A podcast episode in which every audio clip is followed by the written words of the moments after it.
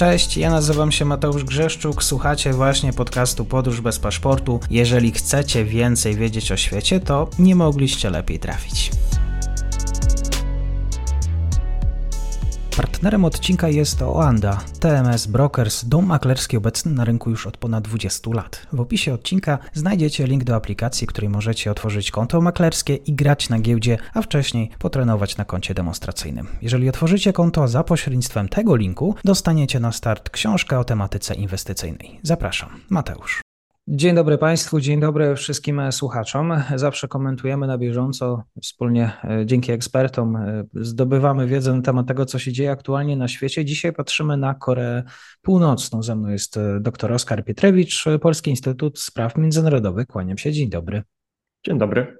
I na początku tradycyjnie zachęcam do dobrej książki Spór o Koreę, rola USA i Chin w kształtowaniu bezpieczeństwa międzynarodowego na Półwyspie Koreańskim. Linki będą, będę umieszczał w opisie. Wydawnictwo właśnie e, pism, jeżeli chcą Państwo wiedzieć więcej. E, dzisiaj, e, no właściwie wczoraj mieliśmy ważną rocznicę, 27 lipca 1953 rok. Co się kryje za tą datą? E, podpisanie zawieszenia broni kończącego działania zbrojne w wojnie koreańskiej, która trwała ponad 3 lata, pochłonęła miliony istnień ludzkich, e, była tak naprawdę pierwszym takim gorącym e, konfliktem zimnej wojny, więc wydarzenie niewątpliwie istotne szerzej dla globalnej polityki, dla globalnej sytuacji te kilkadziesiąt lat e, temu, ale szalenie istotne wydarzenie dla Koreańczyków e, z jednej i z drugiej strony 38 równoleżnika, dla Korei Północnej jedna z ważniejszych rocznic w, do obchodzenia. Tak naprawdę mit założycielski w dużej mierze Korei Północnej to jest właśnie ta data. E, oczywiście jest też, są też inne ważne daty, e, tak jak data też e, proklamowania samej Korei e, Północnej w 1948 roku, ale ta data zakończenia, zawieszenia, zakończenia wojny koreańskiej w tym rozumieniu zakończenia działań zbrojnych, bo to tylko zawieszenie broni, tylko porozumienie rozejmowe, jest w Korei Północnej nazywane zwycięstwem w wojnie koreańskiej, co oczywiście ma mieć, ma, ma to służyć podkreśleniu temu, że ta wojna została wygrana przez Koreę Północną, co zgodnie z rzeczywi- co nie ma wiele wspólnego z rzeczywistością, bo pamiętajmy o tym, że sama wojna wybuchła jako efekt agresji. E, e, agresji północno-koreańskiej na południe. Ta wojna miała służyć zjednoczeniu siłowemu Półwyspu Koreańskiego pod rządami północy, i e, to zadanie nie zostało zrealizowane przez Koreę Północną. Ba, Korea Północna, gdyby nie wsparcie tak zwanych chińskich ochotników, e, tak naprawdę regularnej armii e, chińskiej, ale pod nazwą tak, chińskich ochotników w liczbie niemal miliona żołnierzy, gdyby nie to wsparcie, Korea Północna prawdopodobnie przestałaby istnieć, gdyż kontrofensywa wojsk, przede wszystkim amerykańskich, ale nie tylko, bo pamiętajmy o tym, że to był taki wielki konflikt, w którym brali udział też przedstawiciele innych państw, Brytyjczycy, Australijczycy, e, Etiopczycy, Kolumbijczycy, masa państw była po stronie e, Korei e, Południowej. I ta kontrofensywa wojsk, powiedziałbym to pod egidą ONZ-u, te, te, te, te wojska mm, amerykańskie i inne były oczywiście też południowo-koreańskie, one odbiły inwazję e, północno-koreańską i tak naprawdę e, postawiły pod znakiem zapytania dalsze przetrwanie e, Korei Północnej, więc Korea Północna, Korei Północnej udało się przetrwać w kształcie, jeśli chodzi o terytorium, właściwie niezmienionym względem tego, jak e, wojna się zaczynała w czerwcu 50 e, roku. Więc to zwycięstwo to tak naprawdę przetrwanie Korei Północnej, ale oczywiście w wymiarze propagandowym, politycznym jest to podkreślane jako coś, co miało potwierdzić, że z tak gigantycznym e, przeciwnikiem, wielkim rywalem, jakim były i są Stany Zjednoczone, Korea Północna dała radę, tak? Więc to jak najbardziej ma wymiar bardzo istotny dla, dla rzeczywistości politycznej w Korei Północnej. Tak jest. I oczywiście trzeba świętować i trzeba zaprosić odpowiednich gości. E, tak, chociaż nie jest to e, zasadą, że się zaprasza e, gości takiej rangi, jacy teraz zostali zaproszeni, więc faktycznie tutaj z jednej strony rocznica, 70., więc to jest dobra okrągła rocznica, ale też okoliczności szersze międzynarodowe sprzyjały temu, żeby zaprosić takich gości jak Li Hongzhong, czyli przedstawiciel biura politycznego Komitetu Centralnego Komunistycznej Partii Chin, więc człowiek ważny, ale wcale nie najważniejszy. Ważniejsi Chińczycy bywali w ostatnich 10 latach, nawet w zarządów Kim Jong-una, włącznie z Xi Jinpingiem, ale tutaj też no, został oddelegowany, oddelegowana osoba jak najbardziej z chińskich elit, no ale faktycznie to, ta post, on nie jest tak wskazywany jako ten najważniejszy uczestnik zagraniczny tych obchodów rocznicowych w Korei Północnej, tylko Siergiej Szojgu, minister obrony e, Rosji, bo faktycznie z naszej perspektywy, ale i, i nie tylko naszej, no jest to osoba dużo bardziej rozpoznawalna, e, jak najbardziej kojarzona z agresją rosyjską e, na Ukrainę. Więc mamy do czynienia z postacią rozpoznawalną, która pojawia się w Korei Północnej. I to oczywiście to zaproszenie i przedstawicieli i Chińskiej Republiki Ludowej, i Federacji Rosyjskiej, e, to e, moim zdaniem służyło e, podkreśleniu przez Koreę Północną, że ma ona poparcie dwóch stałych członków Rady Bezpieczeństwa, poparcie dla na przykład polityki zwalczania wpływów amerykańskich w różnych częściach świata, tak? To jest to, co łączy ta walka z w cudzysłowie imperializmem amerykańskim, to jest to, co łączy, co łączyło kilkadziesiąt lat temu Chińczyków, Koreańczyków i, i Rosjan i teraz też to łączy, więc to, to mamy z jednej strony wydarzenie historyczne, e, jest e, rocznica tego wydarzenia jest obchodzona, a z drugiej strony rzeczywistość polityczna do złudzenia może przypominać te uwarunkowania e, zimnowojenne. I oczywiście to poparcie polityczne przez uczestnictwo przedstawicieli Chin i Rosji jest bardzo ważne dla Korei Północnej jako państwa, które jest w dużym stopniu izolowane, ale właśnie Korea Północna pokazuje, że wcale nie jest tak bardzo izolowana, jak na przykład chcieliby to widzieć y, Amerykanie, Koreańczycy z południa, Japończycy czy Europejczycy. Wcale tak nie jest, tak? Y, I jednak y, dla Korei Północnej poparcie dwóch stałych członków Rady Bezpieczeństwa jest szalenie istotne w kontekście potencjalnie kolejnych sankcji w Radzie Bezpieczeństwa. Jakiekolwiek próby amerykańskie są torpedowane żeby nałożyć kolejne sankcje na Koreę Północną w ostatnim półtora roku przez Chińczyków i Rosjan. I do tego kwestia wdrażania sankcji. Jeśli mamy państwa takie jak Rosja, która sama chce unikać sankcji, sama jest pod pręgierzem sankcyjnym, co prawda nie ONZ-owskim, ale, ale w węższym zakresie, e, to trudno się spodziewać, aby Rosja jakoś wspierała Amerykanów we wdrażaniu sankcji na e, Koreę Północną. I więc tutaj mamy ten wydźwięk jak najbardziej polityczny. Korea Północna też chce się pokazać jako ten jeden z istotnych wierzchołków polityki e, e, tego bloku państw e, zwalczających amerykańskie wpływy, tak to nazwę, że nie ma tylko nie ma tylko tandemu rosyjsko-chińskiego, ale jest też wierzchołek północno-koreański, może być też wierzchołek irański, tak, ale jest też w Azji Wschodniej istotny wierzchołek północno-koreański, więc Korea Północna politycznie stara się wypozycjonować w tym towarzystwie e, e, mocarstw atomowych, też jako mocarstwo atomowe, tak, to też jest szalenie istotne. I oczywiście też mamy przy okazji wizyty Szojgu wiele i spotkań też jakie odbył z, z Kim Jong-unem, co też wcale nie było regułą, że przedstawiciele delegacji zagranicznych spotykali się z Kim Jong-unem. Nie każdy może dostąpić tego zaszczytu. E, Siergiej Szojgu dostąpił tego zaszczytu, spotkanie w cztery oczy z Kim Jong-unem. E, z którego mamy tylko przecieki z, z, tak naprawdę z mediów północno-koreańskich, e, jedynych jakie są, czyli rządowych, w których wynika, że no, rozmawiali o pogłębieniu współpracy wojskowej. I to oczywiście jest duży znak zapytania, co za tym może stać, bo tu bazujemy tak naprawdę tylko na tych domysłach, domniemaniach, ale sygnałach potwierdzonych przez administrację Joe Bidena, że Amerykanie mają dowody, że e, Korea Północna od wielu miesięcy wspiera e, też militarnie Rosję w jej agresji na Ukrainę przez dostawy na pewno amunicji e, artyleryjskiej. Czy coś więcej?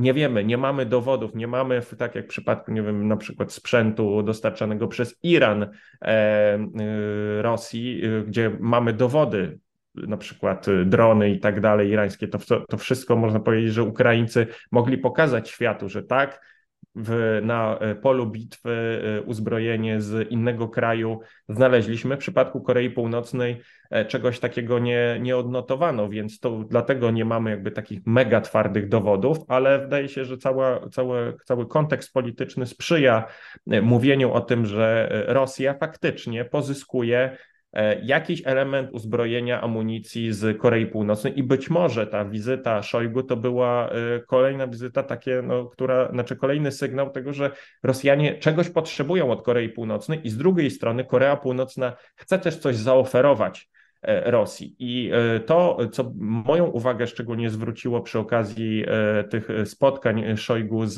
z Kimem, to to, że Szojgu został zaproszony na wystawę obronną, wystawę przemysłu obronnego północno-koreańskiego, gdzie zostały pokazane no, nowinki północno-koreańskiej zbrojeniówki, e, włącznie na przykład z dronami bojowymi, tak? Więc e, czegoś, co też Rosjanie używają e, w, w ich wojnie z Ukrainą, więc no, powiem szczerze, tutaj wygląda tak, jakby Koreańczycy chcieli pokazać się z jak najlepszej strony jako ten, jako ten potencjalnie atrakcyjny partner, jeśli chodzi o ofertę zbrojeniową dla Rosji, ale też z drugiej strony może to sygnalizować, że Korea Północna już e, pokazuje partnerowi rosyjskiemu, na jakim jest etapie i czego też może oczekiwać od Rosjan, na przykład jeśli chodzi o e, know-how rosyjski w kwestii rozwoju broni rakietowej, e, że tu może, może dochodzić do takich targów. No i jeszcze też spekulacja, która się pojawia, że w zamian za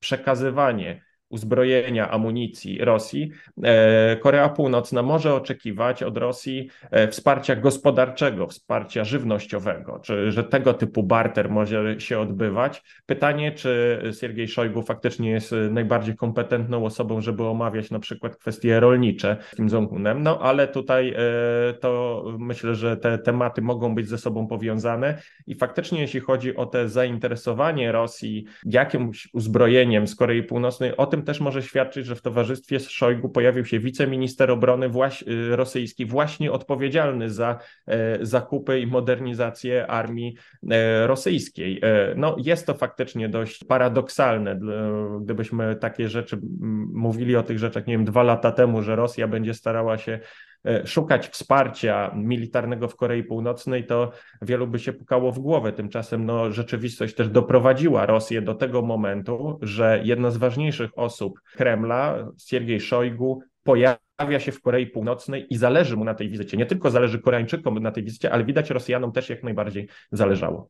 Tak jest, czyli już nie tylko szycie mundurów. Absolutnie nie. Myślę, że to, to raczej właśnie te pierwsze sygnały miały umniejszać potencjalne znaczenie Korei Północnej. E, tymczasem okazuje się to partner w jakimś sensie wartościowy dla, e, dla Rosji, który ma coś do zaoferowania. Oczywiście, na przykład jeśli chodzi o te drony, to, to myślę, że to jest bardzo wstępny etap rozwoju e, tego programu militarnego Korei Północnej, że zanim oni przejdą do tej masowej produkcji tego typu uzbrojenia, to jeszcze trochę zajmie, ale pokazują, że potencjalnie E, mogą być e, wartościowym partnerem.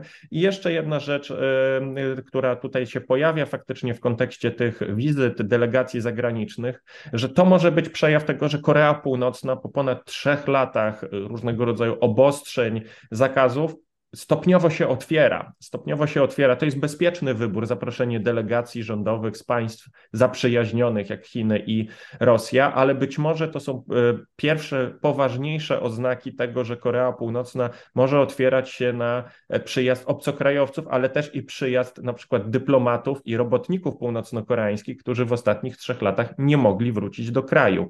Więc być może e, kolejne miesiące przyniosą nam doniesienia o tym, że ten reżim około pandemiczny w Korei Północnej jest stopniowo luzowany i że skoro się zaprasza już tak e, ważnych partnerów, e, to okazuje się, który i nie ma żadnych reżimów sanitarnych, nie ma ich przytrzymywania ich na granicach, nie ma kwarantanny, nie ma maseczek, tak, to e, być może to już jest sygnał Korei Północnej, że będzie się ona stopniowo otwierać, ale to moim zdaniem, nawet jeśli się otworzy, to nie oznacza, że się będzie otwierać na kontakty na równych warunkach z absolutnie każdym państwem. Widać wyraźnie, że Korea Północna w tych realiach międzynarodowych postawiła na jak najbliższe więzi z Chinami i Rosją. I bardzo dobrze z punktu widzenia Korei Północnej, że nie są to tylko Chiny. Jest to też taki psztyczek w nos e, władz w Pekinie, żeby one nie myślały, że mają w garści e, Koreę Północną. Korea Północna w jakimś sensie chce sobie dywersyfikować tych partnerów, ale no na bardzo niewielką skalę, tak?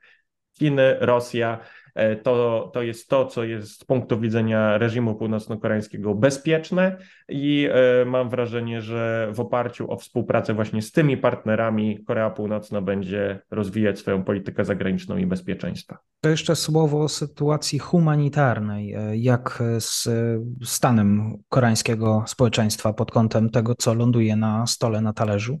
O, myślę, że tutaj nic niestety nowego nie mamy, w związku z tym stałym zamknięciem, tak, nie mamy nowych, nowych doniesień. E, myślę, że to też ciągle poruszamy się w sferze spekulacji. E, samo zamknięcie, moim zdaniem, przez e, trzy lata kraju, ograniczenie dostaw czegokolwiek z zewnątrz, zwłaszcza z Chin, i tu chodzi i o żywność, i, i środki medyczne, lekarstwa, no wszelakie rzeczy. Korea Północna nie jest państwem samowystarczalnym, jakby tego mogła tysiąc razy to e, na sekundę powtarzać, ale to, to, to nieprawda. To państwo jest bardzo zależne od wsparcia zewnętrznego, czy po prostu nawet od handlu z, przede wszystkim z Chinami. Jeśli w wyniku nałożonych restrykcji e, to zostało szalenie ograniczone, co same władze północno-koreańskie przyznają, no to to musiało wpłynąć na sytuację zwykłych Koreańczyków. I e, nie mamy dostatecznych dowodów, żeby twierdzić na przykład, że sytuacja jest bardzo, bardzo zła.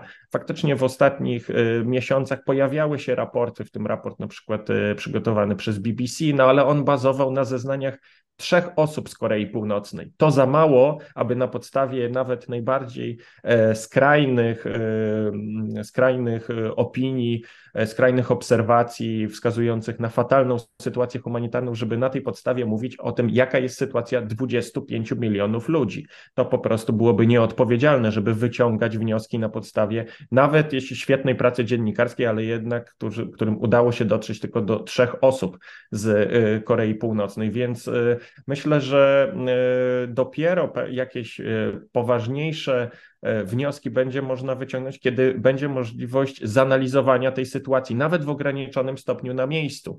Myślę, że no, najwięcej mogą właśnie wiedzieć przede wszystkim Chińczycy i Rosjanie, bo oni tam na miejscu są. Jest jeszcze poza nimi sześć innych placówek bardzo okrojonych, ale żadnej nie ma europejskiej, więc Europejczycy nie mają możliwości nawet zobaczenia, jak to wygląda e, na miejscu. E, I dopóki nie mamy tego typu relacji weryfikujących to, jak na przykład nawet w samej stolicy, dookoła stolicy wygląda sytuacja, to ciągle poruszamy się w sferze spekulacji. Ale ja brałbym bym pod uwagę, że sytuacja humanitarna jest bardzo trudna, ale bardzo trudna jest w różnych, w różnych regionach. Te, które na przykład bazowały na bliskiej współpracy gospodarczej z Chinami, regiony przygraniczne, myślę, że one najbardziej ucierpiały e, w, w trakcie te, tego, tej pandemii w wydaniu północno-koreańskim przeciągającej się do już ponad e, trzech lat. Więc e, biorę pod uwagę to, że sytuacja wielu ludzi, być może nawet milionów ludzi, jest bardzo trudna,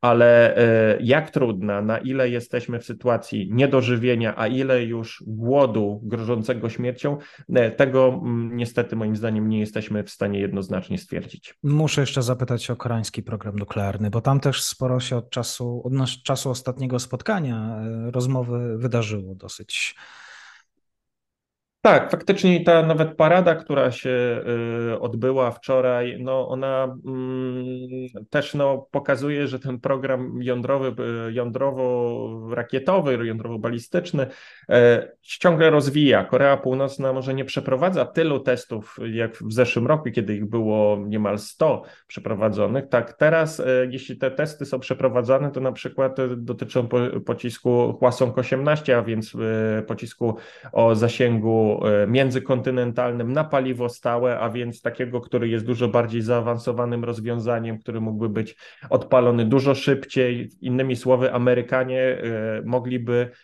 nie mieć wystarczająco, nie, nie, nie mogliby zapobiec wystrzeleniu tego pocisku. Tak? E, nie, nie mieliby możliwości uderzenia wyprzedzającego, e, być może, tak? Tak, takie, takie jest domniemanie. Tak? Więc Korea Północna rozwija ten swój program i oczywiście parady służą zademonstrowaniu tego, co posiada, albo też czasem zasygnalizowaniu, co chciałaby posiadać, tak? Że tutaj niekiedy jest wodzenie za nos, tak? Że tutaj pokazujemy na paradzie coś, co ma charakter bardziej makiety tego, co nie jest e, jeszcze na etapie operacyjnym rozwinięte, ale wydaje mi się, że e, Korea Północna no, od wielu lat, a zwłaszcza od tych ostatnich kilkunastu miesięcy pokazała, że ona nie ma sprzętu na paradę, ona ma sprzęt do użycia w potencjalnym konflikcie, więc pod tym względem e, mówimy o państwie, które absolutnie nie zeszło nie zejdzie ze ścieżki rozwoju e, arsenału e, jądrowego i różnego rodzaju środków e, przenoszenia. Innymi słowy, Korea Północna sukcesywnie realizuje plany wytoczone kilka lat temu przez, przez Kim Jong-una, który mówił, że w najbliższych paru latach będzie rozwinięty potencjał rakiet dalekiego zasięgu, drony, okręty podwodne mogące wystrzelić też pociski balistyczne przenoszące broń broń jądrową. To wszystko sukcesywnie jest realizowane, e, więc e, mam wrażenie, że e, tu mamy, nie, nie mamy wątpliwości, z jakim państwem mamy do czynienia. Z państwem atomowym, dysponującym coraz szerszym wachlarzem środków przenoszenia tej broni jądrowej. Z punktu widzenia Korei Południowej przede wszystkim, co jest niebezpieczne, e, środki przenoszenia, e, które prawdopodobnie mogłyby przenosić broń taktyczną, jądrową, więc jest ta groźba sygnalizowana też związana ze zmianą doktryny nuklearnej Korei Północnej w zeszłym roku, że broń jądrowa mogłaby być wykorzystana na wczesnym etapie konfliktu konwencjonalnego. Jest to coraz bardziej przekonujący straszak w ocenie analityków południowo-koreańskich i dlatego, co też jest ważne dla pełnego, pełniejszego zarysowania sytuacji na Półwyspie Koreańskim, mamy do czynienia nie tylko z testami północno-koreańskimi, ale mamy do czynienia z ogromnymi manewrami e, Korei Południowej i Stanów Zjednoczonych oraz zacieśnieniem współpracy Tokio, Seul, Waszyngton. Więc tak naprawdę mamy w dużej mierze sytuację wet za wet. I w tej sytuacji, skoro Korea Południowa wzmacnia współpracę wojskową z ze Stanami Zjednoczonymi, Korea Północna politycznie pokazuje, że wy macie plecy amerykańskie, my mamy plecy chińsko-rosyjskie. Więc e, tutaj, mimo że ta relacja nie jest, e, że na przykład relacja z Chinami oczywiście to jest formalnie sojusz z, e, z Rosją, absolutnie nie. Natomiast Korea Południowa ma E, sojusz wraz z gwarancjami bezpieczeństwa amerykańskimi. Więc nawet jeśli nie jest to relacja jeden do jednego, to mamy do czynienia z taką e, stałą, e, nieustającą rywalizacją nie tylko międzykoreańską, ale też tych dwóch bloków, które faktycznie do złu łudzenia przypominają faktycznie, moim zdaniem, uzasadnione e, jest mówienie o tym, że Półwysep Koreański, mimo upływu lat, jest e, bastionem zimnowojennym, jednym z ostatnich bastionów zimnowojennych. Dużo się zmieniło przez te 70 lat, a równocześnie wcale nie tak dużo. Tak jest. Bardzo dziękuję za dzisiejszy komentarz. Doktor Oskar Pietrewicz. Raz jeszcze zachęcam Sporo Korea książka do zakupienia. Kłaniam się do usłyszenia. Dziękuję. I to już koniec na dzisiaj. Zapraszam na profil podcastu Podróż bez paszportu na Facebooku, Instagramie i Twitterze. Zachęcam też do wsparcia mojej pracy na serwisie Patronite oraz Buy Coffee. Do usłyszenia.